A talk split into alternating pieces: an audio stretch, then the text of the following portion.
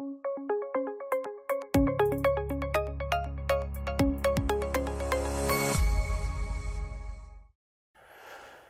мөндөд үзэгчтэй хэрэгтэй юм буу халын өрөөтэй Идрээс подкастт өнөөдөр маш мундаг инженер залуу оролцож байна. Тэгээд арт түмнээ Amazon-ы шагаа гэж алдаршсан.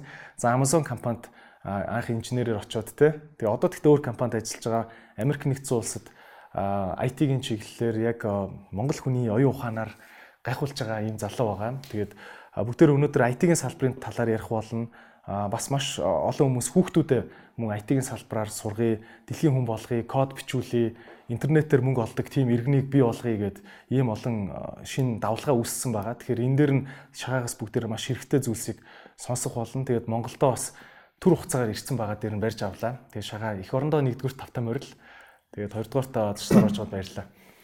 За чам ч гэсэн баярлалаа өөрч оролцуулж байгаа. Тэгээд сонирхолтой яриа болох байхаа гэж найдаж байна. За окей. За манай шагаан маань жоохон даруухан ярьдаг байгаа. Гэхдээ гэхдээ маш хэрэгтэй юм ярина гэдгийг та бүхэнд амлаж байна. За шагаа ер нь бол хичнээн жил одоо код бичнэ гэж яриад байгаа тийм энэ IT-ийн инженер гэдэг ажлыг хийж байна вэ? А одоо Сиэтл хотод амьдарч байгаа тийм. Тий одоо Сиэтлд амьдарч байгаа. Хэдэн жил гэвэл яг яг код анх бичсэн гэвэл 13 тагаас гэх юм уу. Ажиллаж эхэлсэн гэвэл 19 дээс хүрч хэдэн жил. Одоо ч 30 хэдтэй залуу тий. Тэгэхээр чинь 15 жил ер нь баг болцсон байна л гэсэн үг. Яг ажиллаад бол Тэг ер нь IT-гийнхэн чинь баг нөгөө сургуульд орохоос өмнө дунд сургуулаасаа эхлээл мэрэгжлийн болоод эхэлдэг шүү дээ, тэ. Нэр нь өөрсдийнхөө юугаар. Тэг Bill Gates, Zuckerberg хоёр чинь гэсэн яг Harvard эдэрт орохдоо бичтгэлсэн юм л шүү дээ. Тийм тийм. Ялгаагүй. Уусаа сонирхолтой хүмүүс бол бага наснаасаа л эхэлт юм байна гэж үл харж байгаа. Тэр хүмүүс яг шинэ өөрчлөлтүүдийг авчирч чадж байна л гэж харж байна. Окей. Тэгээ ер нь бол шагаа одоо ингээл IT-ийн салбарыг ярихаар нэг Google яриад, Microsoft яриад, нөх ингээл тэнгэрийн хол тэрлион долларын компаниуд ярьдаг те. Яг үндэ ингээд Монголын IT дээр ирэхээр одоо юу гэдэг чинь нэг банкны IT-ийн алба ч юм уу нэг тийм болол энэ хоёрын хооронд маш том ялгаа байдаг тийм үү. Тэгэхээр би бас жоох юм амьдралтай ойрхон зүйл ярих гэж бодод байна л да. Одоо маш олон дүүнер маань бол үзэж байгаа гэж бодож байна. Яг одоо энэ IT технологийн салбарыг сонирхож байгаа те. Ер нь манай Монголын IT-ийн салбарт гэрэл гээгээ хаана харагдаад байна? Яа аль тишээ бид нар одоо явах явах хэрэгтэй байна? Одоо өөр чинь дүгнж байгаагаар. За амар олон асуултууд нэг дөрөө байна тий. Яг гэрэл гээгээ хаана харагдаад байна гэвэл эхний ээлжинд бид нарыг яг одоохондоо 2015 онд Amazon-д орчоод Монгол хүмүүсийг бэлтгээд ер нь бол нэлээд олон хүмүүсийг ажилд оруулж ирсэн. Яг тусалж дамжаад тэгээд зөвлөөд тэгээ юу ажиглагддаг вэ гэхээр яг эхний ээлжинд бол Монгол инженерүүд яг уу техникэл буюу яг үндсэн чадварууд бол байдаг ч гэсэн яг өөрийгөө ойлгуулах тэгээд тэрийг сэл буюу тэ өөрийгөө сайн зарах тал дээр сул байгаад байдیں۔ Тэгээд ялгаагүй Монголд байгаа инженерүүд бол эхний ээлжинд яг тэр том компанид ороход бол тийм асуудал байна гэж хараад. Гэхдээ биднэрт хаана гэрэл гээгээ харагдаад байна вэ гэхээр манай бодлоор бол эхний ээлжинд Америкийн ч юм уу дэлхийн өөр стартапууд яг Google, Facebook, Amazonтой яг хүний нөөц дээр алдчихж байгаа. Гэхдээ арай тэднэрт хүрч чадахгүй байгаа арай жижигхэн компаниуд дээр ихний ээлжинд бид нар бол хүмүүсээ бол оруулж болох юм байна гэж хараад байгаа. Тэрэн дээр гэрэл гэгээ байна гэж харж байгаа. Бид нар юу шаарж байгаа гэхээр туршлага болон чадвар мэдлэг боловсрал биш. Туршлага болон чадвар. Тэгэхээр одоо Nest Academy гэдэг одоо ажиллаулж байгаа бид нар бол хүүхдүүдэд яг туршлагыг бол яг уу цаг хугацааны асуудал чадварыг суулгаж байгаа. Тэгээд чадвартай болоод өөрсдөө хамтдаа төсөл хэрэгжүүлснээр ер нь бол туршлагатай болгоод тэгээд тэр зах зээлд нийлүүлэх боломж ойрын хугацаанд бол байна гэж харж байгаа. А нэгэнт туршлага чадвартай болоод өөртөө одоо жижиг стартапуудад ажилжуулаа том компанид орох нь бол цаг хугацааны асуудал байна гэж харж байгаа. Яагаад төсөөсэйгүү эрэлт бол дэлхий дээр нэлээд өндөр байна яг Америкт зөвхөн 2021 онд яг шаардлагаж байгаа софтвер инженерүүд бол 900 мянган ширхэг софтвер инженер одоо demand буюу эрэлттэй байна. Тэгээ дэлхийд дээр ойролцоогоор 2 сая 500 гэсэн баха. Яг одоо эн чинь бол тэгээд буурахгүй үргэлж жил болгон 15-аас 20%-аар өсөх хандлагатай байгаа учраас ер нь бол ойрын 10 жилдээ л бол одоо эрэлт нэлээд өндөр байна. Тэгэхээр бид нар бол тэр зах зээл бол хүсүүсээгүй борлогддог л одоо бүтээгдэхүүн бий болох гэдэг нь хэрвээ бид нар бэлдээд чадвартай болж байгаа юм бол. Тэгэхээр тэр хүүхдүүдэд хамгийн түрүүнд ямар ч байсан юуг зөвлөмөр байна вэ гэхээр мэдлэг биш чадварыг олж аваасаа тэр нь бол чадварыг олж олж авах вэ гэхээр яг практикл дадлага яг тэргээ туршиж үзсэн байдлаар суралцвал илүү чадварыг олж авна. Туршлагыг яах вэ гэхээр эхний ээлжинд мэдээж компаниуд та бүхнийг шууд ажилд авч чадахгүй тэгэхээр өөрсдөө бүтээгдэхүүн хөгжүүлээд зах зээл дээр гаргах гэж оролдоод найзуудтайгаа ч юм уу явбал илүү олон одоо туршлагыг айгүй хурдан олж авч чадах юм байна л гэж харж байгаа. А одоо зүгээр нэг сургуульдаа нэг реферат бичээл нэг даалгавар хийгээл IT-ийн инженер болж төгсчөөд идэг шүү дээ тий. Гэтэ яг муулж байгаа юм биш шүү. Гэтэ гэхдээ одоо бол та нарын яриад байгаа юм чинь бол найзуудаараа нийлээд яг бүр жинхэнэ жинхнэрээ бүр зарах гэж оролдох юм шүү дээ тий. Програм хангамж хийгээд тэгээс л яг уу яг том компаниуд яг юуг хайгаад байна гэдгийг л одоо эхлээд ойлгох хэрэгтэй байна л да.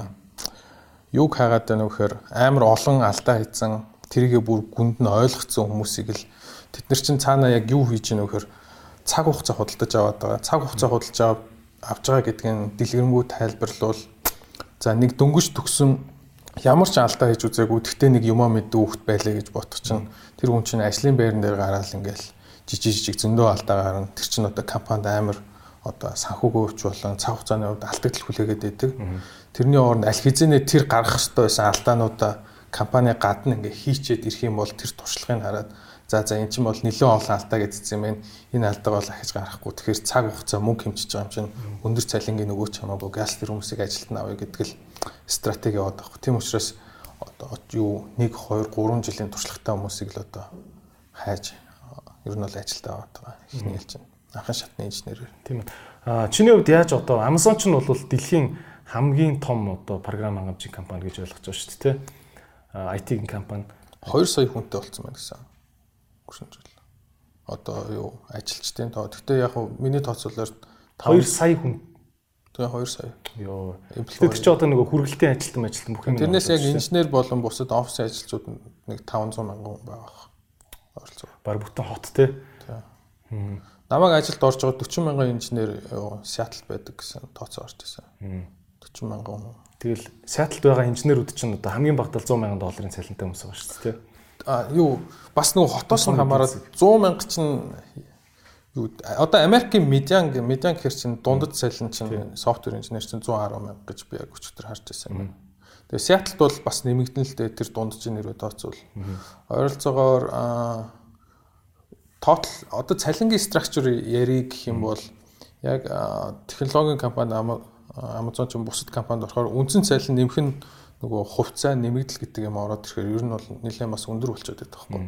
Хувьцаа нэмэгдэл чинь бас яагаад өндөр болдог вэхээр технологийн компани сүүлийн үед бас хурдцтай өсөж байгаа болохоор аа тэр нөгөө хувьцааных нь үнэ дагаад бас 2 3 үржих магадaltaй байдаг. Яг миний хувьд өөрийн одоо туршлагаас явах юм бол 15 онд ороход хувьцаа 600 доллар байсан. Тэгээд 18 онд гарах чинь 2400 байна. Гэхэр чинь хэд үрч юм ш дөрөв нуурсан ш тий. Би тэгэхээр цалингаа бараг дөрөв нуурч ял гэсэн үг шүү дээ. Тийм. Гэхдээ би зөвхөн компани хадлаа ажиллал.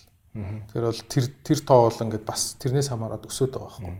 Чиний хувьд бол ингээд Монгол инженер очиод том компанид ороход яаж чи өөрийгөө тэгж нөгөө манай инженерүүд юм чадаад байгаа мөртлөө өөрийгөө бас зарж чадахгүй байна гэдэг ба шүү дээ. Яаж өөрийгөө чи үнэхээр би лаг шүү гэдгээ тэд нарт одоо харуулсан юм. Би өөр нь 4 жил фейлдсэн буюу тий.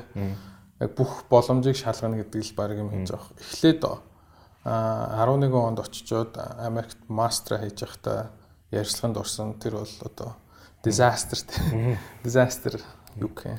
Эцүүхэн байсан тий. Нилээ одоо хамгийн хийж болохгүй бүхэл буруу юмыг хийж үзэж байгаа юм л да тий. Ажлын ярьцлаган дээр гаргаж болох бүх алдаануудыг гаргасан.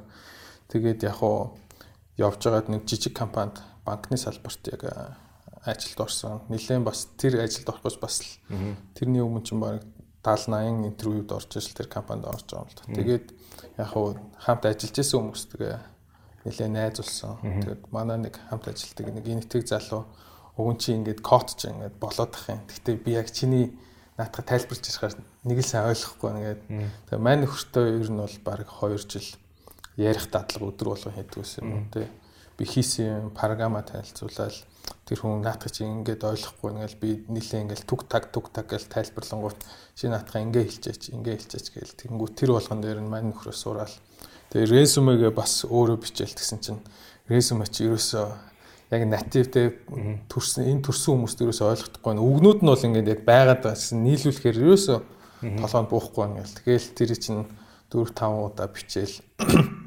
Тэрний дараа яг үр дүнгууд нь бол ингээд яг алхам алхамаар харж байгаа. Яг зөв үйл хийл резюмегээ зөв болгоод LinkedIn профайлаа яг зөв болгох чонгод ингээд орж ирж байгаа одоо мессежд тооч нэг өмнө нь 0 гэсэн бол 30 40 тэ 7 хоногтой. Тэгээл тэр болгонд чинь ажлын ярилцлаган дээр нь очивол эхний ярилцлаган дээр ундаг гэсэн бол хоёр дахь давдаг болж ирээл. Тэгээл яг он сайт дээр дуудагдал хүмүүс нь яг нааш байгаа нь мэддэг эсвэл ойлгохгүй байгаа нь ингээд илтэд анзаардаг бол ер нь бол 4 жилийг зарсан. Тэгээд яг 4 жилийн дараа яг За яг уу орсон ч яг уу ороогүй ч яг уу зүгээр л үзье гэдэг тийм одоо интервью өгөх нь зүгээр өдөр тутмын ажил болсон байсан. Тэгэл яг уу ажлын санал 3 4 газраас яг зэрэг авч байсан. Тэр нь бас амар хэрэгтэй. Нэгэн газраас аавал одоо чи юу negotiate буюу өөрийнхөө цалин нэмэх боломж байхгүй. 3 4 газраас байвал өө эднийх тэдийг өгөө гэж танах яах юм гээл бас цалингаа нэмэх боломжууд гарч ирдэг. Тэгээд яг тэр үед тэгэл Amazon-ыг сонгож ирсэн мундаг компани. Тэгээд за хоёлоо ер нь мэдээж одоо одоо Монголын инженерүүд бол ингээд ер нь бол Америкийг бол одоо дүүргэж эхэлж байна. За дүүргэж ашиг тий. Гэхдээ нилээ их болж эхэлж байна тийм үү. За тэгээд үүнээс гадна маш олон одоо хүүхдүүд IT-гаас сурмаар байна. За заавал гадны компанид очиж ажиллана гэх нь ч одоо нэг мөрөдөл баг баг байха болчлоо шүү дээ тий. Аа өөрсдөө бүр лаг компаниудыг бий болгоё гаднаас доллар оруулаад ирдэг интернетийн компанийг бий болгоё гэж ярьдаг бас болж эхэлж байна. За одоо найзынхны хувьд бол Hippo Cards гэл ингээл хийгээл аппликейшн нэгэл англи хэл заах галгыг бас нэг гол учир нь манайхаа англи хэлтэй болчвол доллар гаднаас зулгааж ирнэ штэ гэдэг л ийм санаал байна л та. А чиний хувьд болохоор Nest Academy гэдэг яг хүүхдүүдэд ингээд програм хангамж код заадаг юм хийлэгдэг ийм академик бас үүсгэн байгуулад явцсан байгаа тий. Одоо хэр удаж байгаа вүлээ Nest Academy-г бас байгуулсан чиний цаад философч нь яг юу байна? Хэр одоо амьдралд наалдж чинь бас хараад тахад? Яг уу анх философи гэхээс илүү анх яагаад энийг хийсэн бэ тухай хальт ярьчих. Яг уу 11 онд очсон гэж хэлсэн дээ Америк. Тэгээд хажуугаар нөгөө Монгол хүмүүс чинь нэг зүгээрээ чаддггүй те. Технологийн салбарт ажиллаж байгаа хүн болгоны мөрөөдөл чинь нэг нөгөө л нэг тест цахиурын үндэд нөгөө тэр бумаас дээш үнэлэгдэх компани бий болох юмсан тийм бүтээгдэхүүнтэй болох юмсан гэдэг наад ч гэсэн ижлэхэн мөрөөдөл байсан. Тэгээд яг бүтээгдэхүүнүүд хөгжүүлж исэн. Өөрөө ингээд сурангаа хийгээд тэгээд нөгөө гарах хэвээр алдаануудыг бүгднийг гаргасан. Хамгийн сүүлд гаргасан алдааны бол одоо 30 сая долларын нөгөө cloud expense буюу үүлэн технологи AWS өртөө болоод дуусчихсан. Тийм түүх байдаг тий. Тэгээд яг тэр болгон дээр яг эцэст нь юу гэж олсон бэхээр би ганцаар юм уу хоёулахнаа л одоо нэг амар том тэр бөмбөгийн үнэлгээтэй бүтээгдэхүүн хийх гээл үзээд байдаг угаасаа нэг хоёр хүнээ хичнээн ингээл амар хичээсэн чи ямарч боломжгүй юм байна гэдэг нь ингээд тодорхой нүдэн дээр илт байгаа байхгүй. Би амар лаг чадвартай байлаа гэд тэр бүмэн үнэлгээтэй компани угаасаа л болж чадахгүй юм байна. Тэгэхээр эхний ээлжинд бид нэр олуулаа болох хэрэгтэй байна гэдэг нь нь бол одоо юмыг ойлгосон. Тэгээд юу хийсэн бэ гэхээр 15 онд хүмүүсийг ер нь бэлдээд эхлээд технологийн компанид монголчууд олон болчих. Аа тэгээд цөмөрөө нийлж байгаа дараа нь бүтээгдэхүүн гаргаж болох юм байна гэдэг Тэгэл яг хуу ойр тойрны найс нөхөд хүмүүсээ бэлдэж эхэлсэн. Тэгээ 17 онд яг юу болсон бэ гэхээр 17 онд Amazon ч дэлхийн аль ч орноос хамаагүй шууд одоо бизнес статус хамаарахгүй ажилд авах боломж нэгцсэн. Тэгэд яг хуу яг тэр үед Монголд ирээд нэг 30 гаруй хүмүүс ирээс өмнө цуглуулад тэгээд аплайцсан. Тэгээ хин ч одоо резюменээрээ тэнцээгүй. Маань ч бас жоохон хайнг штэ тий. Явуулж байгаа резюме нь Монголд болохоор зүгээр ажилласан газрын чагсаалт энэ явуулсан байдаг тий. Тэгс чинь Америк резюме гэдэг шал өөр юм хүлээгээд байдаг. Тэгээд ерөөсө хүлээлтэнд нийцэхгүй. Тэгээд яг хуу сэтгэлээр унцсан явж байгаад дараа нь Amazon дотор Amazon Future Engineer гэх шинэ одоо хөтөлбөр бий болж байна. Тэр нь 10 high school хүүхдүүдийг бас Amazon дадлага хийх боломжтой Тэгээ болж байгаа хүмүүсээ шууд ажилд аавна гэдэг. Тийм хөтөлбөр байхыг хараад тэрийг яг зохион байгуулдаг хүнтэй уулзаад та нар Монгол руу явж болохгүй гэсэн чинь болно. Гэхдээ очиод наа чи ямар ч тайлант байхгүй шүү бид нар зүгээр зардлаараа шатаад дуусах юм байна гэдэг. Тэгэл яг хоо тэр тэр үед амар шарж гэх юм уу хор шар хөдөлж байсан. Ер нь хараа тий тэнд хүмүүс байгаа юм чи мэдээж тайлан тавьяас байж таараа. Тэр тэр авиасын зүгээр бэлдээд зүгээр шууд гаргая гэл. Тэгээ 17 онд ер нь бол Монголд тэр хичээлийн дараах хөтөлбөр гэдгээр ер нь хүүхдүүдэд код зааж эхэлсэн. Тэгээ яг 18 онд Nest гэдэг нэрээр яг үйл ажиллагаа явуулж эхэлсэн байна. Одоо хэр яаж энэ өөрөө одоо ингээд зорж байгаа юм болохоор юм шиг байна уу бас 10 16 7 оноос хойш явж байгаа гэдэг чинь нэг нэг анхан шатны нэг үр дүн мэдрэгдэж байна уу? Ямар хөө мэдрэмж авч байна? Одоо яг анхан шатны үр дүнгууд гэх юм бол 3 жил тасралтгүй хүүхдүүд явсан хүүхдүүд одоо байна. Манайх 4 жилийн хөтөлбөр байхгүй. Тэгээ одоо 3 дахь жилээ төгссөн хүүхдүүд а Монгол компаниудад бол ерөөс ямар ч асуудалгүй бүгд ажилд орж болж байгаа. Ер нь бол угаасаа дотоодын эрэлт ч өндөр байгаа болохоор бүгд ажилтаа болж байна. Одоо эх жил бол яг манай үндсэн яг гадаадын зах зээл дээр бид нэр энэ хүүхдүүдийг шууд нийлүүлж чадах нь гэдгийг ер нь бол одоо хичээгээ зориод явж байна. Тийм ч учраас манай одоо дөрөв дэх жилийн хөтөлбөрийг заах улсууд бол яг Америкаас тэнд ажиллаж исэн улсууд заахаар ер нь бол төлөвлөж байгаа. Одоо аав ээжнэр асуух бах л та. Хөөш яадаг гинэ манай хүүхд одоо компьютер дээр авьяастай юм шиг байгаа. Арай ингээд очиод тэр өсто 100 мянган долларын цалин малантай амар ажил хийдэг болоод дараа нь өсто тэр хүмтэн инженер болчих юм биш үстэй гэд ингээд харж байгаа бах те. Тэр хүмүүс яг яадаг яг Academy чи яг яадаг газрын гэвэл одоо хамгийн богинох нар юу гэж тайлбарлах вэ? Хөтөлбөр энэ төр гэдэг нь юу гэсэн үг юм? Яадаг газар гэвэл бид нар зүгээр л чадварыг суулгадаг сургалтын төвлөн тий мэдээлэл технологийн асуудал шийдвэрлэх тий Гэхдээ яг голчлон бол энэ нөгөө софтвер мэдээлэл технологийн чадварыг л хүүхдүүд суулгана. Тэгээд болчих юм биш үстэй гэдэг нь яг хуу дэлхий дээр байгаа нийт хүн амын 3% нь бол энэ мэдээлэл технологиор ажиллах боломжтой байна гэж үзэж байгаа. Тэгэхээр Монголд нэг ойролцоогоор 100 мянга гаруй хүн бол угаасаа мэдээлэл технологиор авиастай байглаас өгцөө өгдөл байна гэж харж байгаа. Яг манай зорилго бол тэрний 11-ийн тэд бүр дэлхийд төрсөлд яг 100 мянгаас чинь 10 мянган л ер нь бол дэлхийд гараад дэлхийн хүн болгоё гэдэг л зорилт тавиад байгаа. Хэрвээ Монголд 10 мянган инженер байх юм бол бид нэр Facebook яг тэр бүмийн үнэлгээ үрж хахад ойролцоогоор инженерийн тоо нь 2000 бас байхгүй яг дэлхийд өрсөлдөх инженерийн тоо. Тэр өөр нь бол 5 Facebook Монгол байж гин гэд төсөөлгөл хэрэгтэй гэж би бодод байгаа байхгүй бид нар. Аа за тэрийг ярих юм бол ойролцоогоор дунджаар 200 гаруй одоо сайн инженертэй компани үнэлгээ угаасаа тэр бүм долларын хүртийн байна. Дэлхий дээр. Ер нь зүгээр л статистик тий. Тий. Ер нь бол дунджаар 200 гаруй сайн инженерийн нэг дор нэг компани болцсон л байвал тэр бол одоо хөгийн бүтээгдэхүүн хийсэн ч гэсэн тий тэр одоо санаа нэг сайн биш байлаа ч гэсэн тэр бол одоо тэр бүмийн одоо value буюу үнцийг авчрахаар тийм юм хийж чадах юм байна нь тодорхой болсон. Тийм учраас бид нэр одоо эхний ээлжинд 200 мянга тийм инженерүүд Монголд авах юм бол хүсүүсээгөө одоо дэлхийн том компаниуд Улаанбаатарт ирэх нь л дээ. Хаана одоо авиаслаг боловсруучсан байна. Тэнд том компаниуд ирдэг. Үүнийг ч гэсэн одоо бид нар харж байгаа. Аа яа Silicon Valley-д одоо компаниуд шаваарлаад байгаа юм гэхээр ерөөсөө л мэдээлэл технологийн сайн дээд сургуулиуд байгаад тэндээс нь гарсан хүүхдүүд бол тэнд ингээд амьдраад байна. Эсвэл Америкийн бүх өнцөг булан бүрээс ерөөсөө хүүхдүүд сайн хүүхдүүд тийшээ л ирээд байгаа болохоор тэнд одоо Google, Facebook гэдэг компаниуд шааварлалтад байгаа шүү дээ. Хүнэл дагж байна шүү дээ. Ерөөсөө тэнд мөнгө төрөх дагаагүй боловсруучн л дагж байгаа асуудал байхгүй. Ялгаагүй бид нар Монголд болох сайн боловсруучн байх юм бол тэд хүрээл ирнэ. Одоо миний ажиллаж байгаа OfferUp гэдэг компани байгаа. Энэ дээр одоо бүр яг бодит жишээ ярив Юу болсон бэ гэхээр өнгөрсөн жил Майамид офис нээсэн.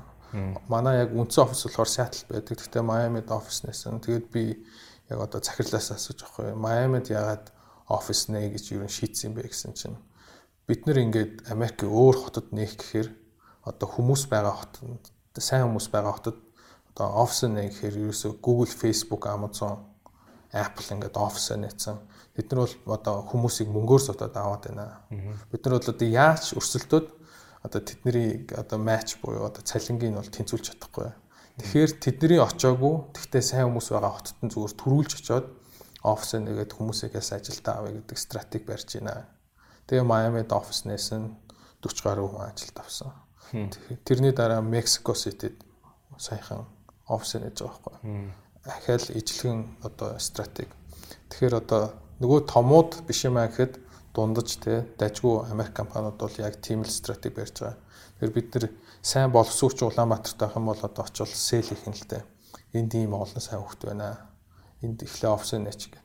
Тэгээ бид нэр дунд шатны компаниуд дээр л одоо туршлага мэдлэгээ сайжруулж байгаа бол томуудыг дараа нь энд одоо өшөө олон юм туршлагатай сайн хүмүүс бий болчихлоо. Одоо хүрээд ирэх гэлээ л да. Тийм ээ. Аа тэгээд Монголд одоо офс нийлээ гэж бодоход монголчин бас ер нь IT-ийн диважин болох магадaltaй орно шүү дээ. Тийм. Одоо IT-ийн компаниудыг татвараар дарамтлаад байхгүй эргэтэн банк одоо гүйлгээнийх нь юу нээлттэй те элдв хориг байхгүй.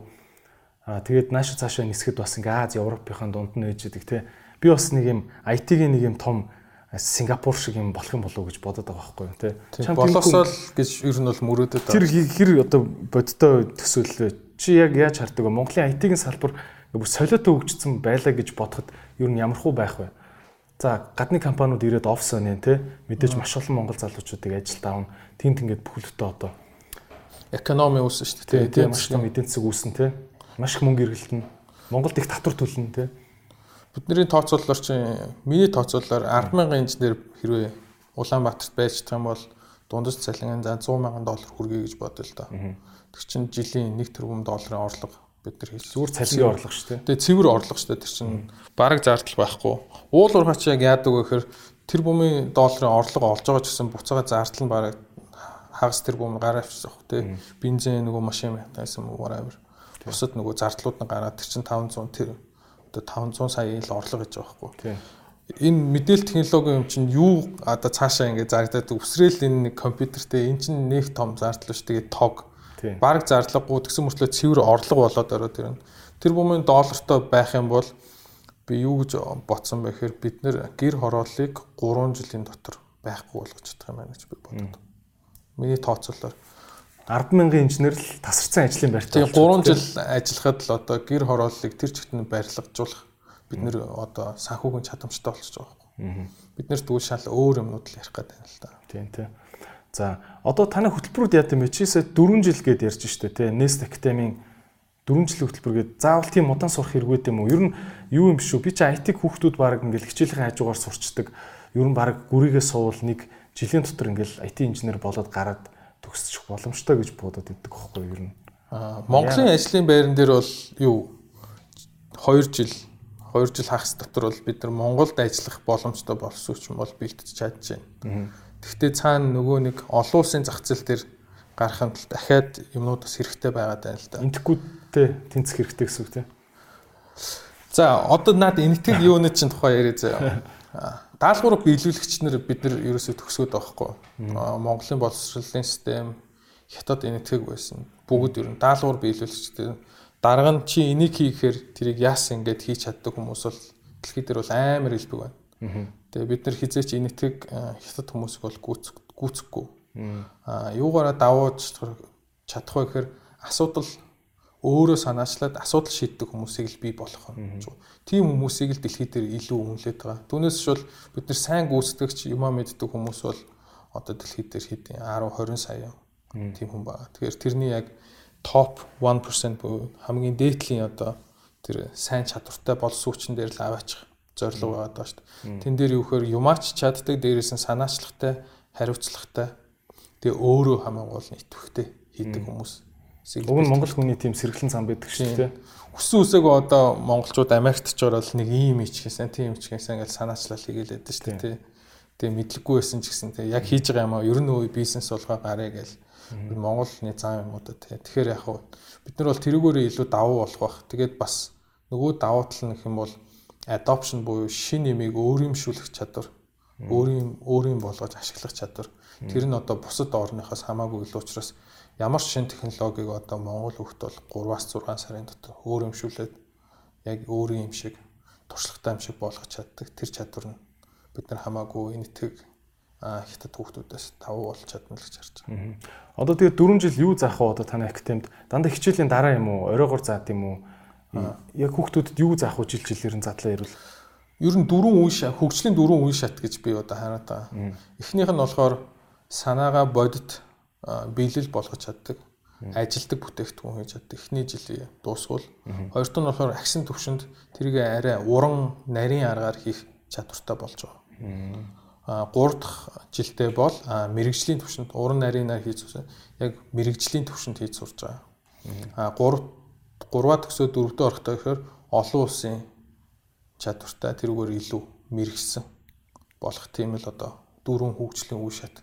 Аа тэгээд 4 жил гэдэг нь хичээлийн дараа орж болохоор 7 хоногт 3 ордог болохоор нөгөө ачааллыг багасгах үзнээс арай удаан явж байгаа 10 жилийн хүүхдүүдтэй аа өнгөрсөн жилээс бид нөгөө насан туршид зориулсан 2 жилийн сургалт байгаа лип. Тэр нь бол яг 2 жил тэгтээ дөрвөн улирлаар манай энэ дөрвөн одоо өдөр болгон сурах уу насан туршидтэй. Аа нэгээс 5 дахь нэгдгээс 5 дахь өдөр өглөө 3-аас 4 цаг суuna. Окей. Аа тэгвэл танад одоо ингээд явж байгаа хүүхдүүд яг ингээд одоо бол 4 жил болох гэж байгаа юм биш та анхны төгсөлт чинь тийм. Аа тэр хүүхдүүд бол одоо яг гараад гарангуудаа шууд л гадны компаниуд руу одоо ингээд аппликейшн явуулаад ажилд орё гэхэд баг бэлэн болцсон гэж чи яг үзэж байна уу? Тэрэн дээр л одоо зорж байгаа. Яа тэгвэл бид нэр өнгөрсөн жилүүдэд яг улирлууд юу хийсэн бэ гэхээр хүүхдүүдтэй суралцагч нартай чадварыг суулгасан. Хажуугаар нь улирал болгоны завсар хүүхдүүд өөрийн бүтээгдэхүүн хөгжүүлж байгаа. Демо day. Тэр нь одоо туршлагыг нэмж байгаа. Бүтээгдэхүүн гэдэг нь болохоор одоо нэг аппликейшн гэдэг гэсэн үг үстэй тий. Тийм, вебсайт, аппликейшн, e-commerce одоо тэд өөртөө санаагаа гаргаад тэр санаагаа бодит биелэл болгодог даатгалууд хийж байгаа. Тэгээд одоо энэ 100 бас дотоодын компаниуд ингээд ажиллаад туршлагатай болж болохоор яг хэрэгтэй хоёр юм нь бол өгцөн гэж хараад байгаа. Одоо хамгийн сүүлийн шат буюу бид нэр амар сайн одоо үйлдвэрлэлээр тоцсон бол амар гоё ингээд чихэр юм уу бүтээгдэхүүн хийсэн байдаг. Хамгийн сүүл тэрнээс баглаа боодол савлгаа тий тайлбар яг ингээд дэлгүүрийн лангуун дээр тавихад хэрэгтэй бүх юмнуудыг л хийнэ гэсэн үг л дээ. Дөрөвтөгчл бол резюме ч одоо яг тэг хүмүүс таниулдаг тиймэрхүү юм Тийм ээ. Яг нэг ажилд ороход юугаа ажлынхаа анкетыг гоё бичиж чадахгүй нэг даа шүү дээ.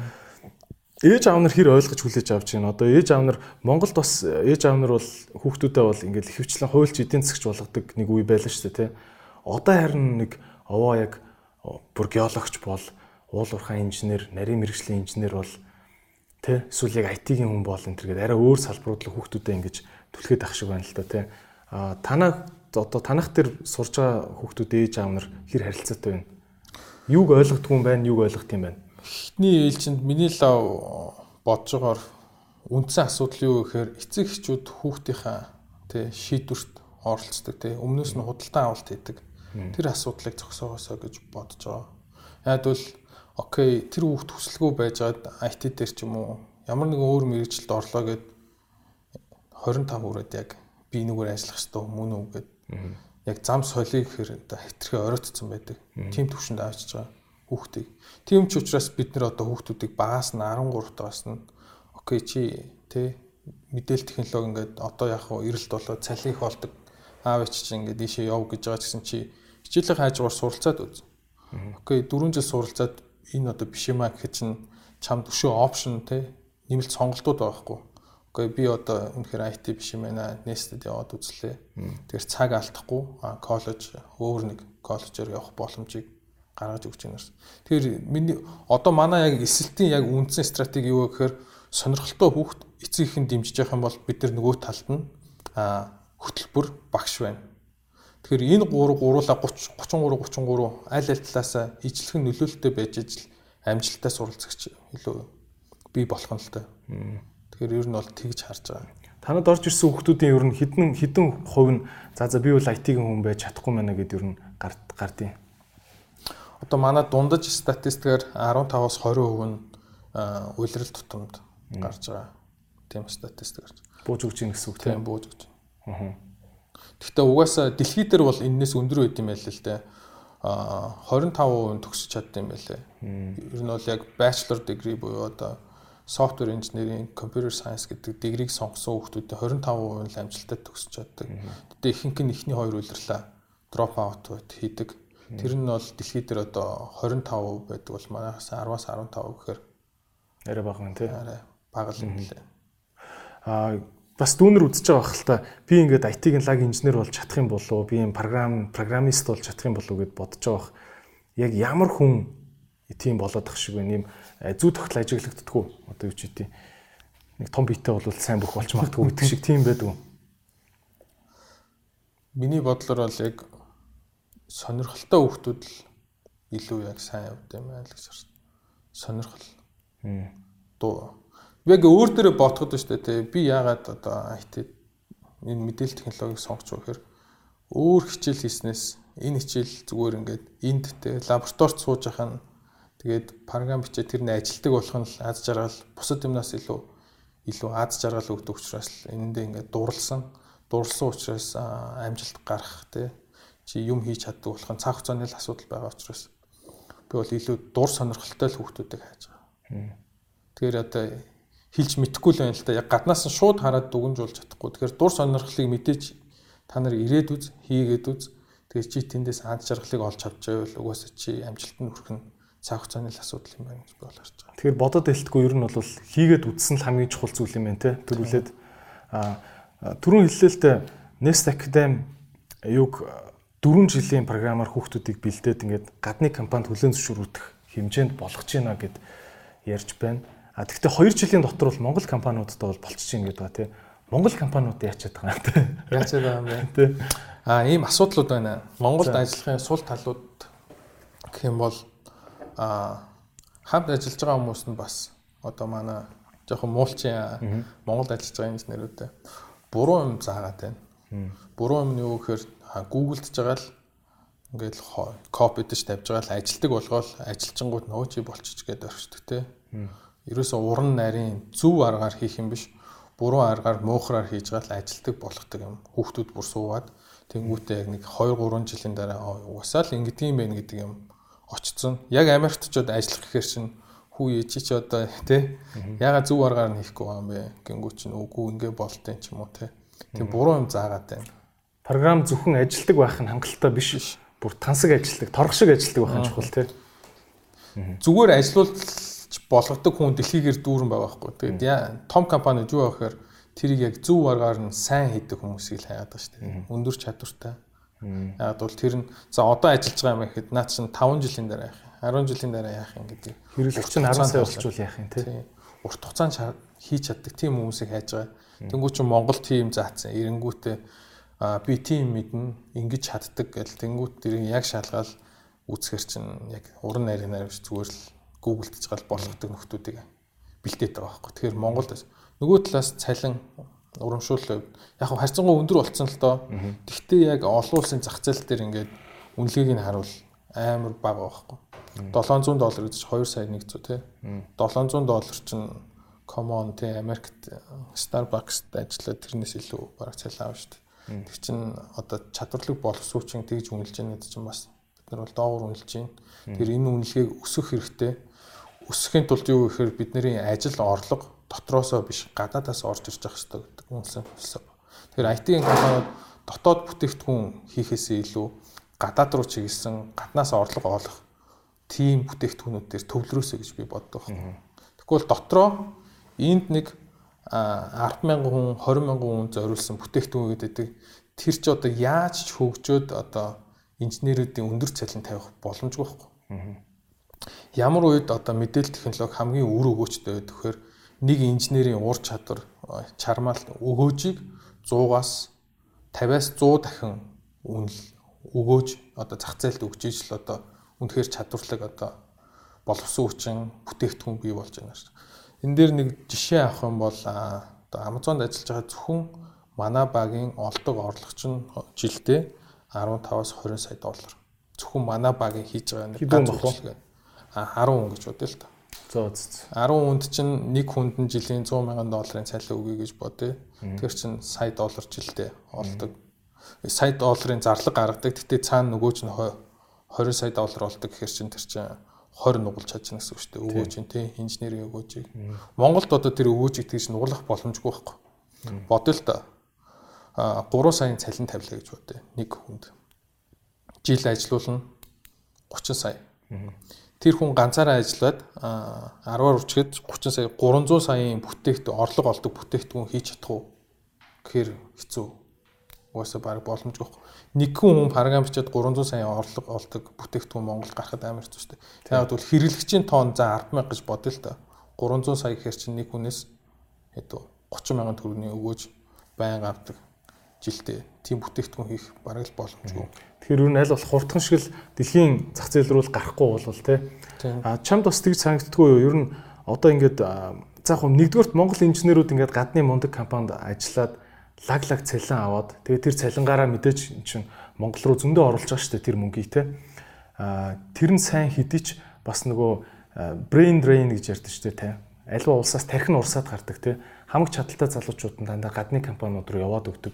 Тэгээ Монгол компани хизээ бий болж гаднаас тэр долларыг бүр тэр хүмүүр нэг шанагдаж оруулж ирэх юм бэ те.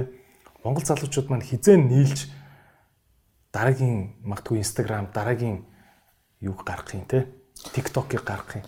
Тэрэн дээр бол ингэж бодож Тэр хизээ гэж харж байна. Аа эхний ээлжинд бид нар бол Монголд байгаа инженерүүд чадварлаг болох хэрэгтэй. Аа туршлагатай болох хэрэгтэй тэр хоёр байхгүй нөхцөлд хизээш одоо бид нар дэлхийд тэр бумаар үнэлэгдэх компани хийж чадахгүй л дээ. Чадварлаг, туршлагатай. А тэр хоёрыг бид бид нар яаж олж авч чадах вэ? Миний бодлоор эхний ээлжинд одоо энэ ковидос болоод remote working гэдэг буюу зайнаас ажиллах ажлын байр үүсэж байгаа. Тэгэхээр бид нэр гадаадын компаниудад зайнаас ажиллаад Монголоос ажиллаад саяны чадвар болон туршлагыг 2-оос 3 жилийн дотор олж авах хэрэгтэй. А тэднээс сурсан чадвар болон туршлагаа ашиглаад жинхэнэ дэлхийд өрсөлдөх бүтээгдэхүүнээ бид нар хөгжүүлэх ёстой. Бүтээгдэхүүн хөгжүүлэхэд хамгийн түрүүнд юу хэрэгтэй гэхээр баг хамт олон санаа энэ хоёр сайн нийлжиж санхүү бол дараа санхүү бол яг том асуудал биш гэж харж байна. Яг бол одоо дэлхий дээр юу илбэг байна гэхээр санхүүжилт илбэг байна. Нөгөө талд нь юу байхгүй чадварлаг баг санаа хоёр ер нь бол олохгүй. Тэр хоёрыг бид нэр одоо туршлага чадвартайос нь хотоор хийх ёстой л гэж байна. Тэгэхээр дараалал нь амар солигдоод байна гэж харж байгаа. Монголд тэгэхгүй бол яагаад вэ гэхээр энд нэг 5 хүн суудсан. Тэр 5 хүн яг дэлхийд өрсөлдөх чадвартай гэвэл асуултын тэмдэг те. Туршлагатай юу гэвэл угаасаа хийж үзээгүй. ID бол мэдээж амар сайн байна. Гэтэ тэрийг хэрэгжүүлж чадахгүй гэхээр үгүй байгаад байдаг. Тэгэхээр бид нар дараалалаа солиод байна. Эхлээд чадвартай туршлагатай болчий. Дараа нь чамд гой санаа байна тэрийгэ чи хийгээд үз. А тэрний дараа тэр нөгөө TikTok, Instagram-ыг чинь бид нар бол хийн л гэж би хараад. Тийм ч учраас одоо бид нар хүний нөөц тэр чадвартай туршлагатай хүний нөөцийг л ерөөсө тасралтгүй олноор нь бэлтжиж байгалийн магадлалаар нь тэр одоо Instagram, TikTok-ыг л гаргаж ирэх гэдэг юм л та. Instagram, TikTok яа гарч ирсэн гэхээр л угаасаа Silicon Valley-д байдаг тэр олон чадварлаг инженерүүд байж байгаа л тэндээс шин санаанууд гараад яг тэрийг хэрэгжүүлж чадж байгаа нь 100-д нэг энтер л байгаа шүү дээ. Мянгад нэг ч юм уу. Тэгэл 100 баг үүсгэх хэрэгтэй байхгүй тий. Ядаж Монголд тэрийг хэрэгжүүлэх. 100 баг чинь 5 хүнтэй байна гэж бодъё л та нэг баг. Тэгэхээр 500 чадварлаг хүн ядаж тэгээ зогсоо зайгүй тэрийг хөгжүүлж иж нэг нь л одоо амжилттай болно гэж харж байгаа байхгүй. Тэгэхээр маа Монголд бол одоо нөгөө малчны хот болгонд нэг бүх төрдөг шүү дээ тий. Энэ олон бөхчүүд ингэж малчны хот болгоноос төрдөг учраас ингээд спорт хороогоор ороод дараа нь юм нутгийн дэвжээгээр ороод те ингээд ингэ шилэгж явсаар гад ингээд аваргуу төрдөг те. Юу л одоо манай IT инженерүүд л ингэж доорс ундрахгүй байгаа юм л да те. Ундраг нь өөрөө жижигхэн байгаа болохоор дээр нь боломж нь өөрөө өдрийн очиг болчиход байгаа байхгүй тийм. Ээ За Монгол инженерүүд доороосоо ундрах ихтэй байх хэрэгтэй гэдээ ярьж байна те. За хүүхдүүд бол ерөөхдөө бол бүр 5 6 наснаас эхлээл ноцтолтож байгаа штэ. 3 настайгаас морин дил дээр гараад. Тэгэхэр чинь энэ манай морь бүх гэдэг энэ том юунд ч соёлч хүчтэй байгаад шүү дээ. Яг энтэй адилхан IT ч гэсэн одоо өстөө нөгөө 3 наснаас эхлээл код бичдэг ч юм уу. Бараг тийм фантастик баймар байгаа байхгүй. Тэгэхээр ер нь хүн яг үнэхээр дэлхийн хэмжээний супер тим асуудлыг шийддэг, юмыг олж хардаг тэ тийм лаг инженер болохын тулд хэдэн наснаас эхлэх ёстой юм. Ер нь яг ингээд за жишээ нь чи хүүхдээ лаг инженер болохын тулд яаж жишээ нь сургаж хүмүүжүүлэх байсан бэ? Миний бодлоор яг яг өөрийнхөө жишээг ярьчвал илүү оновчтой байх гэж бодож байна. Аа мэдээж нөгөө математик ч юм уу тийм юм би нөгөө нэг 1 2 дугаар ангитай ч юм уу 3 дугаар ангитай амар муу сурдаг гэсэн. Багш нар энэ явахгүй дээ тэр ягаад дургүй байсан бэхээр нөгөө би амар удаан бичдэг тийм үү цээж бичих мчих ч юм уу яг ингээд бичдэг юм да муу байсан болохоор амар. Багш нар над дургүй байсан. Тэгээд яг 3 4 дугаар ангид ер нь бол багш нарт дуртуулсан яагаад юм болоо гэсэн чинь нөгөө өгүүлбэртэй бодлого гэдэг юм яг тэр үчи яг хичээлийн програм дээр орж ирдэ шүү дээ тий. Тэгээд яг өгүүлбэртэй бодлого чинь нэх бичихгүй ч гэсэн зүгээр бодож жагаад ингээд зүгээр жохон бичгэлээр ингээд бодож болдог болохоор ингээд надад айгүй таалагтай. Тэгээ өгүүлбэртэй бодлого юм гэдэг юм дуртай бол яг нь явж исэн. Тэгээд математик олимпиад дараа нь ороод тэгээд яг уу явдаг гэсэн. Монголчууд математик олимпиад ордог хүн чинь 50 гаруй байна гэсэн. Ер нь бол хөөх цоц. Улаанбаатарт ч тий. Тэр чинь тийм олон одоо хүүхдүүд ингээд бэлтгэж байгаа. Тэгээ явж байгаад яг уу яг 7 дугаар ангитай 13 татаа юу болсон мэхээр яг математикийн олимпиад бол ингээд уйтгартай. Тэрний орнд яг мэдээлэл технологи те компьютер гэдэг юм чинь яг надаа юм үл ойлгох. Тэгээд тоглоом ингээд тоглонгууд тоглоомыг яаж хийсэн юм болоо те яаж бүтээсэн юм болоо яаж хийдэм болоо гэдэг юм байнга боддог. Тэгээд яг бол лаборатори дээр ороод өөрөө ер нь бол програм бичиж сурыг сураад 13 та тий 13 та таахта. Тэгээ 14 төд 8 дугаар ангитай яг хамгийн анхны Tetris гэдэг тоглоом. Тэр Tetris-ийг би хийн гэд баг 3 сар бодчихсон Яаж тетрис хийх вэ гэдэг. Тэгээ надаа би нэг багшаас асууж байгаад манай нэг багш зүгээр л наадах чинь дахин дахин зураад идэв штэ гэдэг ганц л өгүүлбэр байсан байхгүй. Тэгэл яг тэрийг нь ойлгол аа за за за. Тэгвэл яг ингэж хийх юм байна. Яг яг зүгээр 8 дугаар ангитай тетрис хамгийн анхны тоглоом байжсан байхгүй. Тэгэл танк мак бол хийж исэн. Дараа нэг суурал зарчмыг ойлгочих юм бол дараа нь тэрний гоо сайхныг ойлгож байгаа юм л да. Яг тоглоом их юм амархан юм байна. Яаж хийдэг юм бэ? Тэгэл ер нь бол амар дуртай болсон. Тэгэхээр би бол яг 13 муу настай хүүхдүүд бол яг яг одоо яг хийж сонирхох үе юм байна. Тэрнээс доошоо бол хитрхи одоо хол бас нөгөө юм хүмүүнаараа хичээлийн програм ч гэсэн ойлгомж арай жоохон хүндчдэг. Тэгээ хүнд байгаа болохоор нөгөө хүүхдүүд дургу болчих магадaltaй болохоор тэрнээс бага насны хүүхдүүд бол жоохон хэцүү гэж хараад байгаа. 13 тагаас эхлээд манай хөтөлбөртөөр 4 жил яваад яг 18 17 тол яг ажлын байран дээр бэлэн болохоор л гарч ирсэн гэж. Тэгээ тооцоо. 18 та өгч шууд ажилд Amazon дорыг гээл зогсоож байгаа юм байна те. Тэгээ ер нь бол тэр л бид нэр зорж байгаа. Ээж аав нар тэгэхээр жоохон дургу биш нөө одоо юу юу яриад байгаа юм бас эн чин төлөвшөөгөө 18 настай нялх хүүхдийг ажилд ороход бэлэн болгоно гэж яриад ах юм. Дахиад 4 жил сургана энэ төр гэдэхгүй байна уу? Яг одоо тооцоололоор байна шүү дээ тий. 10 жилээ төгсөөд дунджаар 12 жилийн дараа гадаадын компанид хүн ажилд орж ийн гэж хараад байгаа байхгүй. 12 жил шүү дээ дунджаар. Нөгөө нэг дургу бакалавра хийгээд дунд нэг ажил солиод тэгээд магистр гээд яваад тэрний дараа нэг Америкийн яг олон улсын зах зээл дээр ажилд орж ийн. Бид нар бол тэр одоо нэг бичигдэг үйл байгаа байхгүй. 10 жилээ төгсөөл чи заавал гадаад руу бакалаврт эсвэл Монгол бакалаврт явах хэрэгтэй. Аа тэрний дараа чи одоо магистрт явах хэрэгтэй гэдэг нэг юм зам байна шүү дээ. Яагаад тэрнээс өөр зам байж болохгүй гэж. Бид нар зүгээр л нэмэлт опшн буюу тий гаргалгаа замуудыг бий болгож чинь тэрүүгээр та нар хүсвэл яваад үз. Бол хүн болгонд хүсэн хүсээгүй нэг замаар явдаг байвал уйтгартай шүү дээ тий. Тэр нь ажиллахгүй байгаа нь бүр илэрхий байхгүй илтэд. Тэгээ хизээч одоо яг тэр магистр хамгаалсан ирээд ажлын байр дээр ирээ тий алаад байгааг нь бол харахгүй байгаа байхгүй тий. Ажил олгогч нар ч одоо өмнө хэлэхэд Гэтэ нөр нь ер нь бол санаачлагтай баахан юм хийгээд үдцсэн 20 та хүүхэд тэгээ бөө магистр энэ төр хамгаалаад ирсэн юм хийж үзээгүй 26 та тэ одоо залуу хоёрын хооронд бол нэг аим ялгаа гардгүй шүү дээ. А ийм олон юм хийж үзэх нь бас чухал байна. Статистик харсан а нийт хүн амын 99% нь өөрт байгаа генус буюу тэ одоо суур өгөгдлөө хөгжүүлж чадаагүй байна гэдэг. Тэрийг юу устгах гэж яах вэ гэхээр хитрхи их мэдээлэл, хитрхи их мэдлэг хүний өөрийнх нь байгалийн өгөгдлийг хэрэггүй болгож байна гэсэн. Хад бол дургу мэдлэг мэдээлэл толгойн дүүрч учраас яг өөрийнх нь цаанаас байгалаас өгөгдсөн өгөгдлүүд нь цаашаа хөгжиж чадахгүй гэдэг. Ер нь бол статистик гараад байгаа юм л. Би яг тэрний яг хаана хэвлэгдсэнийг марчдаг. Тэ ер нь бол яг тэр надад бол үнэн юм шиг санагдаж дээ. Яг PhD ч юм уу те мастер хийцэн, магистр хийцэн хүмүүс яг аз жаргалтай яг өөрийнхөө орж чадаад байгаа хүмүүс бол амар ховор. Тэр хүмүүсээс шинэлэг санаа гаргана гэдэг бол бүр л хэцүү. А бүгдийг мэдээд байгаа ч гэсэн шинэлэг санаа гаргаж чадахгүй өөртөө тохиолсон авиасаа хөгжүүлж чадаагүй юм шиг санагдаж байна. А чи бол тэгтээ хүн амын бол 3% нь бүгд IT инженер болох цаанаасаа бүр өгөгдөлтөй төрдөг гэж хэлээд байна. IT инженер болох хүний яа тийм тархитлагын арай өөрөөр ажилт юм уу?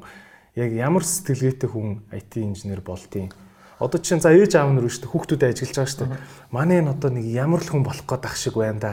илүү чи идрээ нэг дүүтэйгээ нэг яриадгаач гэл нэг тийм айлууд өгдөг шүү дээ тий. Яаж хүүхдээ шинжих үү даав ээж нар ингээ харъя л да. Миний хүүд IT-ийн тим юу байна уу?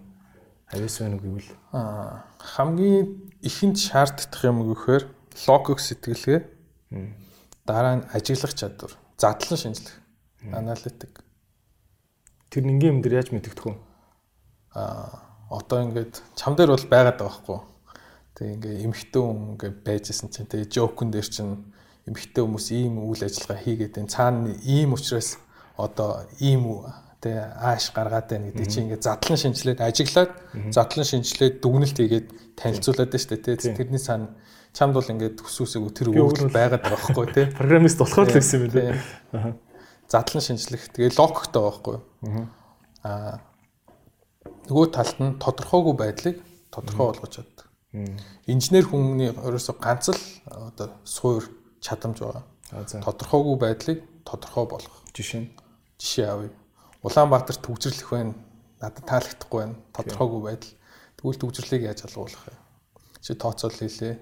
А Улаанбаатарт 100 мянган машин байна. Угаасаа замынх нь одоо багтаамж нь 20 мянга ч юм уу 50 мянга байна.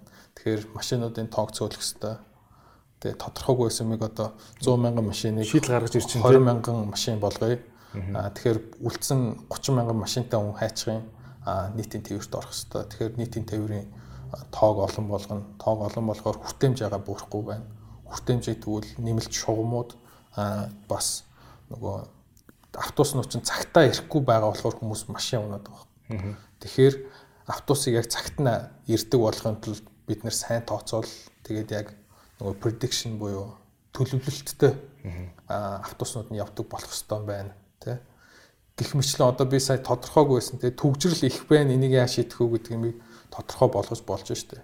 Гэх мэтлэн ийм чадвар тоо баримттай судалгаатай хэмжиж гаргаж ирч чаддаг. Энэ чадварыг л ер нь бол инженер ингээд байхгүй. Чамд мөрөөдөл байна. Бид нар мөрөөдлийг чинь бодит бил болгож чадна гэдэг хүмүүс чинь л инженер. Тэгэхээр тэр чадвар л хамгийн чухал гэж байна. Тийм. За тэгвэл ийм чадвартай ингээд баахан прожект хийгээд үдцсэн хамтарч ажиллаа үдцсэн хил устай 100000 инженертэй болчлоо. Гадны компани ер нь яахаар хурж иртiin те. Одоо жишээ нь Ирланд бол хүүтэн хүн очих нэг дургу дуртай биш тийм стилийн газар те. Тэгэхэд Ирландд бол маш олон том Facebook нь ч байдаг, тэр Google нь ч байдаг, том том офисуудтай маш олон ирландчуудыг ажлын байртаа болгоод өстой. Эдийн засгийн нь супер байлгаж штэ те. Аа тэгэхээр сайн нэг жоохон улс төрийн болоод зарим компани офис хааж ах шиг юм те.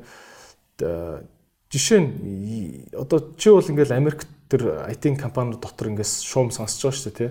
Та мэдээж хүн байх хэвээр. Өөр юу нь байж ич тэр лаг компаниуд Монголд одоо ирж ажлын байрыг бий болгох юм бэ? Эхлээд бол нөгөө талдаа бас нөгөө талд тулгарч байгаа проблемыг ойлгох хэрэгтэй байхгүй.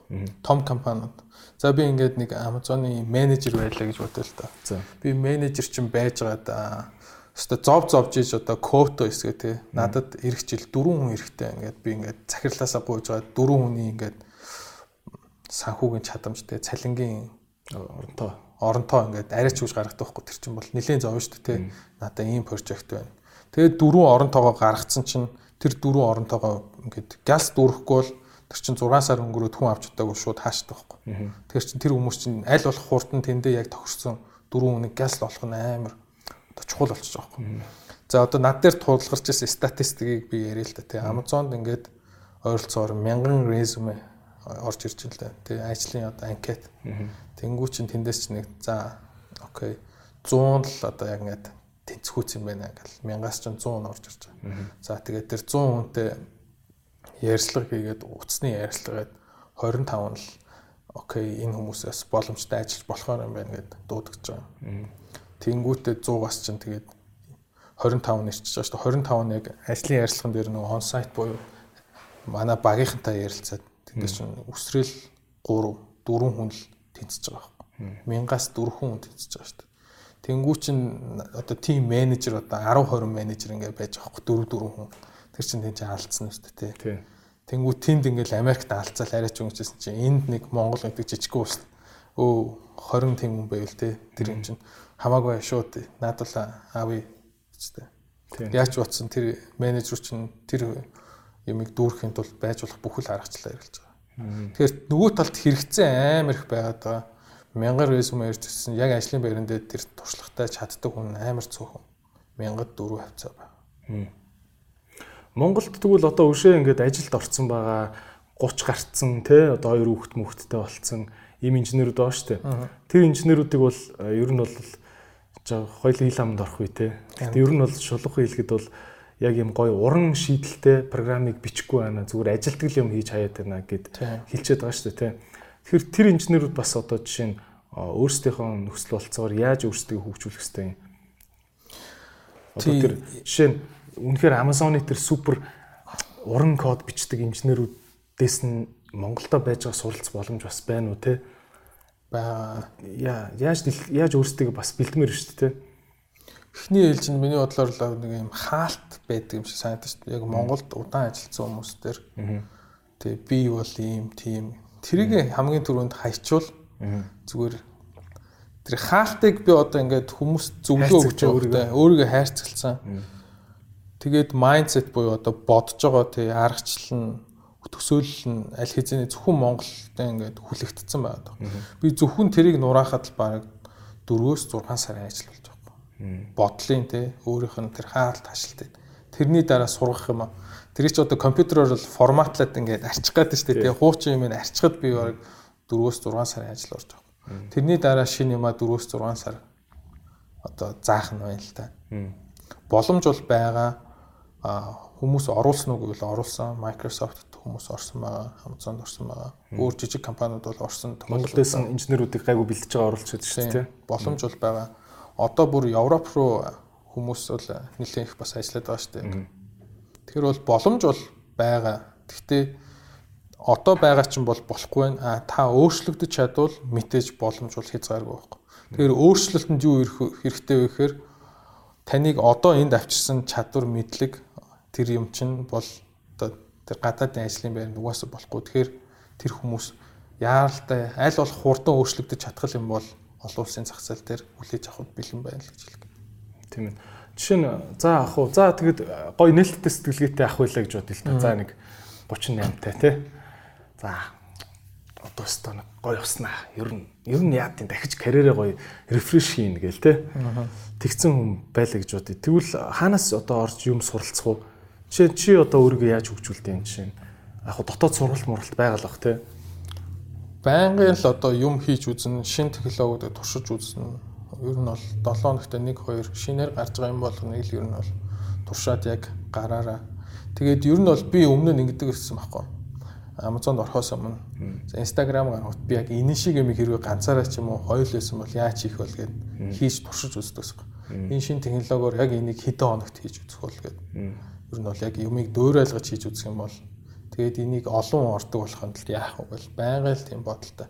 Тэр бол хөгжүүлэх аргачлал Нөгөөдгөр хэрвээ та Монголд яг ингээд 1 2 жил ажилласан өөрийгөө туршлагатай тий дайггүй гэж бодвол маа дээр одоо энэ манай хамгийн сүүлийн 4 3 дугаар шатны сургалтууд одоо бас нээлттэй 11 хүн авахаар ингээд одоо хоосон цай байна. Тэр тэрэн дээр ирээд бүртгүүлээд сууж иж болно.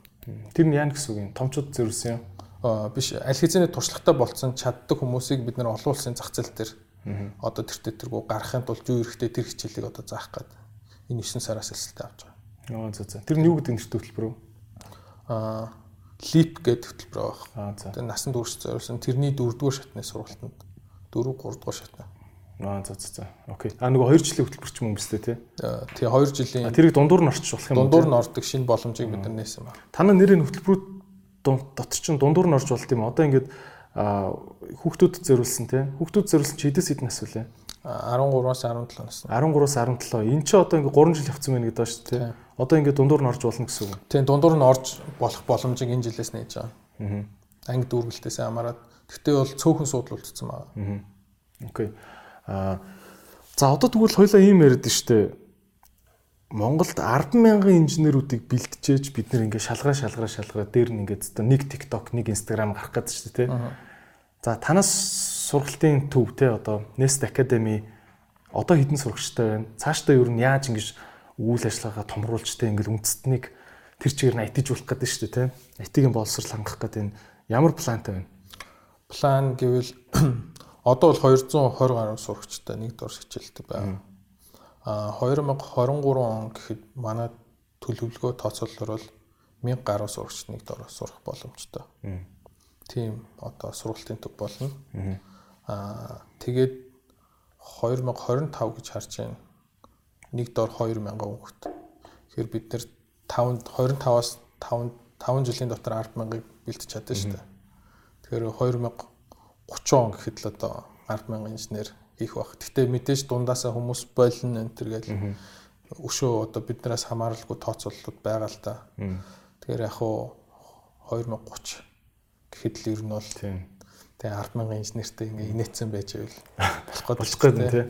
Аа тэгвэл одоо тэр хооронд чинь одоо яг бол одоо ингээд ковидаас болоод IT-ийн салбар бол ерөөсө бүх салбар руу нэвчин орж байна те. Зүгээр ресторан гэхэд л одоо ер нь аппликейшнгүй ресторан гэж алга, хүргэлтгүй ресторан гэж алга. Наазахын эмийн сан хүртэл одоо ингээл цахим эмийн сан маань болол явчлаа шүү дээ те. Ерөөсө бүх төрлийн салбарууд IT-гаар яаж юм те цэнэглэгдэж байна. Аа энэ давлгаа нэг удахгүй ингээд нэг 2030 оноос наан ингээд хөрчих үе те бид нар ингээ арай гэж IT инженерүүдэд 100000-аар нь бэлдээд ингээ дэлхий дээр гараа ирсэн чинь өө одоо IT ч нэг амар тийм халуун сэдв байха болцсон дээ гэд тэхвээ гэдэг юм бодогдоод байна. Тийм чи IT-ийн салбарыг одоо юм хэр их буцалсан хിവэрэ байна гэж бодож байна. IT хоочихгүй тийм IT хот биш боллоо гэж бодоход дээ тэрний дараагийн одоо нэг юу гэх юм эрэлттэй мэрэгжил ямар ч мэдээлэл технологи ашиглах нь бол гарцааг байна Тэр бол одоо гарцаагүй. А биолог, нано технологи юу ч хийж болно. Ямар ч байсан мэдээлэл технологиг ашиглахаас өөр ямар ч гарцаахгүй. Ягаад гэвэл энэ машин чинь хүний бодож чаддгаас те тэр бум дахин хурдан тэр бум дахин хүн нэг юм үйлдэл хийж байгаа энэ машинууд чинь тэр бум үйлдэл хийж штэ. Тэр хүний хөдөлмөрийг тэр бум дахин хурдлуулж чадах өөр юм байгаа мó байхгүй байхгүй хүн хөдөлмөрөө хөнгөвчилж байгаа учраас л одоо энэ мэдээлэл технологич нь одоо ингээд бүх салбарт нэвчээд байгаа дээ. Тэнд нэг эми санчаа байлаа гэж бодод эми санч одоо нэг дор хоёр хүнтэй ажиллаж чаддаг бол компьютер юм 2 3 мянган хүнтэй зэрэг ажиллаж чаддаг дээ. Тийм учраас л энэ ч одоо хэрэлттэй. Тийм учраас программистын үнэлгээ өндөр болоод байгаа юм. А тэр дотроо уран код бичдэг, юмыг сэтгэж чаддаг, асуудлыг олж хардаг шийдвэрлэж чаддаг. Тийм, тийм нэмэлт авьяастай хүмүүс нь шууд топ 1 хувиргаа орох гэдэг тийм. Тэр хүмүүс л илүү өндөр цалинтай эрэлттэй байгаа. Уг нь манай монголчууд нэг боломжтой санагдаад байгаа тийм. Тэгээ уг нь бол бүгдэнд нь л байдаг л шүү дээ. Ер нь бол монгол хүн чинь тийм. Нэг нь 10 инженер байж хахад нэг нь л хин л те нөгөө наадах чи ингээ хийгээ ингээ зохицуулчих гэж байгаа нь ер нь монголчууд л байх магадaltaй нь те. Тийм. Аа Шагагийн хувьд ер нь бас Америкт байгаа бусад инженерүүдтэйгээ хэр холбоотой байна. Ер нь Америкт хэр их монгол инженерүүд ажиллаж байна, хэр үнэлэгдэж чадчихин те. Манайхан бас нэг өөрсдөө дүгийлгэж ярьдаг тал байдаг шүү дээ. Аа манай монголчууд ч өстой байглаасаа ийм өстой сэргэлэн цаваа юу ч үлээ те. Монгол хүн өстой Монгол хүн IQ өндөртэй, Монгол хүний ухаан ухаан гэл. Тэг яг очиод үнэлэгдэж чадчихээн үү те. Эсвэл зүгээр л яг ингээл за за манай ид чинь бол бусдаагаа ер нь адилхан юм билээ гэж бодогдож байна уу? Яг уу чадрын хувьд ч юм уу хийж байгаа юмны хувьд бол яг жигэд ойролцоо. Аа бусад орны хүмүүс илүү тэр нь илүү энэ баг гэдэг юм байхгүй. Уусаа нөгөө дэлхийн суур өвдөл нөгөө 3% гэдэг байна. Дэлхийн хаач ижлэхэн өвдөл байна. Аа тэгтээ яг Монгол хүний давуу тал гэвэл угаасаа л шин нэмийг туршиж үзэхтэй айдсгүй те. Өө наадах чинь болгоч штэ. Үзээ гэдэг тэр хандлага Монгол хүмүүс төр илүү байдаг. Тэгэхгүй бол одоо Америк хүн ч юм уу одоо энэтэй ихтэй хүмүүс би наадах чинь мэдхгүй би наадах чинь сураатах гэдэг байхгүй Монгол хүн чинь сураагүй байсан гэсэн оролдоод үзье барыг чадна штэ гэж ярьдаг те. Тэгээ яг хийж байгаад угаасаа болгочоод байдаг. Тэгэхээр нөгөө тэр нь юунд хэрэгтэй вэхээр шин технологиг өөрөмшүүлж adopt өөрөмшүүлж чадах чадвар. Тэгэхээр бид нар бол тэрүүгээр одоо сүүлийн үед гарч байгаа бүх шин технологиудыг л оролдоод тэрүүгээр илүү уран нарийнаар юм хийж чадах давуу талууд бол харагдаж байгаа. Аа цалин мөнгө тэнд байгаа монголчууд бол мэдээж хоорондоо уулзаад ярилцдаг. Бол нэлээ ойролцоогоор миний тооцоолсноор 500 гаруй бол инженер байгаа гэж харж байгаа. Мэдээж дундад цалин бол Америкийн одоо нэг инженеруудын дундад цалинтай. Тэрэл 100-аас дээш мянган долларын цалинтай тийм хийж л байгаа. Тэгэхээр бол бид нэр ерөөсө дутаад ах юм байхгүй илүү гарах юм бол тэр л байна гэж харж байна. Окей. одоо ингээд бас Монгол инженерүүд нэг үе үе Мерсер хоорондоо нийлээд бас нэг хөрөнгө оруулалт аваад бас шин төрлийн IT-ийн компаниуд гарах гэдэг нэгээд сурагдуултад идэг шүү дээ. Тэр боломж нь ер нь хэрвээ. Ер нь монголчууд хоорондоо нэгдээд яг дэлхийн хэмжээний менежменттэй компанийг яванда байгуулж чадна гэдэгт чи хэр ихтэй байдаг вэ? Тэрэн дээр үү? Одоо бол ингэж би бодож байгаа биднэрт хэрвээ ингээд чадварлаг олон инженер их юм бол Монгол дунд те Цукерберг шиг ч юм уу тэр Билл Гейтс шиг мэдээж нөгөө entrepreneur гэж шинийг сэтгчтэй байглаасаа өгдөлтэй тийм хүмүүс бол төрж байгаа уусаа магадлалаараа. А тэр хүмүүс яагаад ингээд дэлхий дээр цойлж гарч ирч чадахгүй байгаа гэхээр тэр тэр хүний мөрөөдөж байгаа мөрөөдлийг биелэл болгож чадах баг хамт олон байхгүй байгаа болохоор л ерөөсөө цаашаа цойлж гарч чадахгүй. Тэгэхээр би юу хийгээд байгаа вэ гэхээр тэр хүмүүсийг гарч ирэх магадлалыг л би одоо энд инженертэй тэр хүний мөрөөдлийг биелэл болгож чадах олон инженерүүд байх юм бол тэр хүмүүс уус өссөн үсээгүй байгалийн замаар гарч ирнэ гэж хэлээ. Тэгэхээр тэр хүмүүсийг л би одоо сайлаа бэлтгэхээр саваа бэлтгэдэг л ажил хийгээд байна шүү дээ. Тэгэхээр савыг бэлтчихэд байж одоо сайл нь одоо орж ирэхийг хүлээж байгаа шүү дээ. Тийм ээ тий.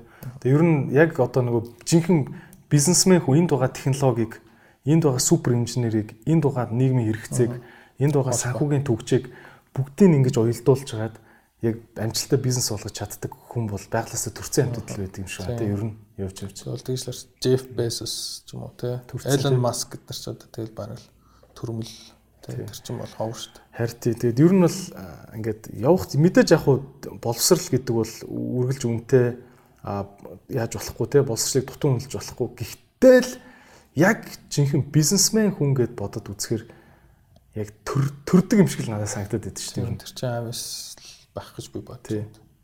Сургаж болно л доо.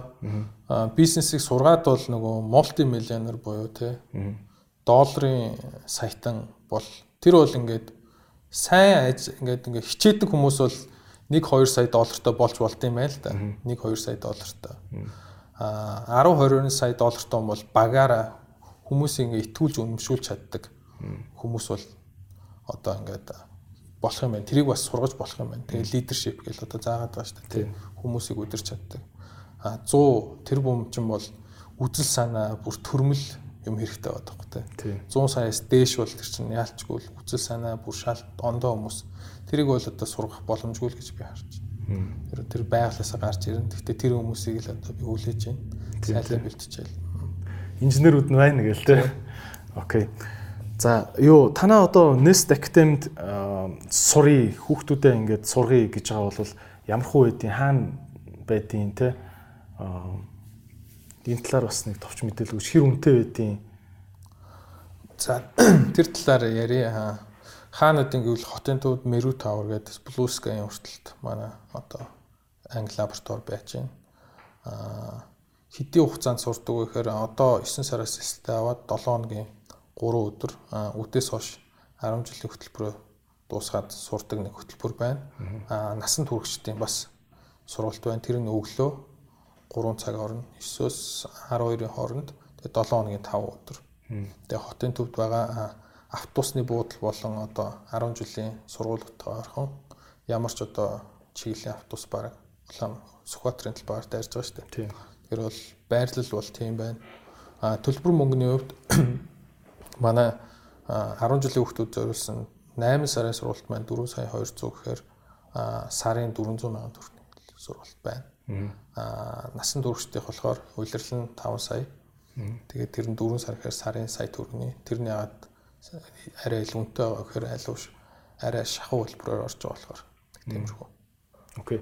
Ер нь бол би өөрөө сургалтын төв ажилладаг л да. Ер нь фаро сургалтын төв. Сургалтын төв бол яг үндэ нэг амар мөнгөний бизнес байдгүй ер нь бол ихэвчлэн нэг тийм жоохон мөрөөдөл тэмүүлэлээр ингэж явуулдаг те баг заримдаа ингээ өөрийнхөө мөнгийг ингэж алдчихэж уршаа явуулдаг тийм бизнес үүдэг. Би тэгэхээр бас чиний юг яг одоо нөгөө санхүүгийн хувьд бол жоон санаа зовж байгаа тийм тэрний тэрэн дээр бас дэлгэрэнгүй ярьчул зүгээр бах.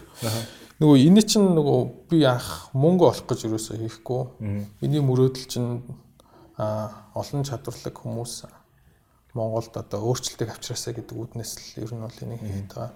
Тэгэд яг яг санхүүгийн хувьд ярих юм бол хүүхдүүдээс олж байгаа орлого маань 70% нь багш ажилчдын цалинд явж байгаа. А 20% нь бол дотоод манай энэ одоо үйл ажиллагааны зардал байрны түрээс нь тог мог интернет. А 10% нь бол бусад нөгөө маркетинг болон бусад зардал дээр явж байгаа. А тэгээд хувьцаа эзэмшигчд бол эндээс ерөөсөө орлого өгөөж авдаггүй. Эсвэргээрээ мөнгө нэмжил болгон нэмж хийдэг. Тэгэхээр бол иймэрхүү структуртай явж байгаа. Би чамаг одоо Америкт ажиллаж яж олсон доллараар ийш авчрал хийгээд байна гэж хараад. Одоо ингээл компьютерүүд те одоо нэг Mac компьютер чинь л одоо хэдийн 1200 доллар. Тэ. Тэгэл тэгээд 40-ыг авах гэсэн 42 50 мянган доллар шүү дээ те. Тэгээ хотын төвийн байрны төрөөс юу илээ те. Бас чанга те.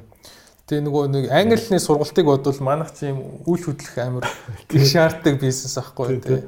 Гэхдээ яагаад Mac ашиглаад байгаа гэдгээ бас тайлбарлавал зүгээр баг. А MacBook дээр байгаа нь яг мэдээлэл технологиор ажиллахаар хэрэгтэй юмнууд нь а нөгөө нэг iPhone-ы аппликейшн ингээ хөгжүүллээ шүү дээ тий. iPhone дээр хийж байгаа програмыг чинь Apple-ийн Mac-аас өөр юм дээр хийж болдоггүй байхгүй. Apple угаасаа цаанаас. Тэгэхээр 3 дахь жилийн хөтөлбөрөө дуусгаад хүүхэд болгон iPhone, гар утас, Android дээр гар утас програм хөгжүүлэх боломжтой болгож байгаа. Тийм учраас Mac хэрэгтэй. Нөгөө талаас дизайны ангийн хүүхдүүд байгаа. Дизайны хичээл манад бас ордог. А дизайны ажил хийхэд бас MacBook бол яалчгүй хэрэгтэй болчих. Ер нь бол IT-ийн компани тэгэл Mac дээр л ажилладаг шүү дээ. Тэг манай офис ч гэсэн битүү Mac тэгэл би шинээр хүн ажилд орох болгонд шинэ Mac авах болгонд ингээл санхүү дээр аа за за гэл зурдаг шүү дээ. Чанга. Дээрэс нь нөгөө бас хурд мод тэгээд давуу талууд бас байгаа л та. Яг хуу Apple-ыг амар рекламадаад байгаа юм шиг. Яалчгүй нөгөө хэрэгцээ тийм байгаа даа. iPhone-ы програм хийхин тулд. Окей. За тэгээд шааг бас их завгүй бахт нь хоёлоо барьж авч ярилцлаа. Тэгээд одоо удахгүй буцах гэж байгааг те. Тэгээд Америкт бас би бас комедигаар очин. Тэгэхээр бас таарлах бас те. Тэг ямар ч хэлсэн шагаагаар маш их бахархаж जैन. Тэгээд одоо юу ч үгүй те. Ингээл би л гадаад гадаадын компанид ажилладаг. Би л сайхан долларын цалинтай гээд тэр чигээр ингээ Америк руугаа Америк руугаа энэ те. Америк руугаа. Тэр Америк руугаа яваараа те. Тэгээ Америкт очиод ингээд шингээд байх алга болчихгүй те. Ингээд Монголдоо ирээд Монголын явлын инженеруудыг бэлтгэхийн төлөө те Америкт бас чиний ингээл маш их одоо хөдөлмөр зарцуулж одоо олж байгаа цалин чинь л ийшээ уурсч штэ те. Тэгээ ингээ Монголдо юм бүтээх гээд явж байгаад чинь найс нь бол маш их бахархаж байна. Тийм тэгээд Монголдо бас зав чөлөөгөөрөө байнга ирж байгаарэ. За тэгээд манай бас үзэгч нарт хандаад те бас уриалах хэлэх зүйл юу байна сүүлийн минутыг шахаад үлдээ. За баярлалаа. Тэгээд чамч гэсэн энэ боломжийг олгосонд баярлж байна. Тэгээд одоо үзэж байгаа дүүнертэй юу гэж хандж хэлмээр байна вэ гэхээр мэдээж та бүхэнд авиас чадвар бүх юмыг байглаас өгсөн байгаа. Тэгээд амжилтанд хүрэх зам төлөвлөгөө биднэрт байна. Хэрвээ та бүхэн өөрсөндөө итгэжээвэл бид нар та нарт тусалж чаднаа гэж бол дүүнертэй захий. Баярлалаа. За баярлалаа. Тэгээд дүүнер нь тэг шагаахаас ахихсаа гоё суралцаад тэгээд дэлхийн инженер болцоогоорой гэж өрөөж байна. За Баярлалаа. Баярлалаа.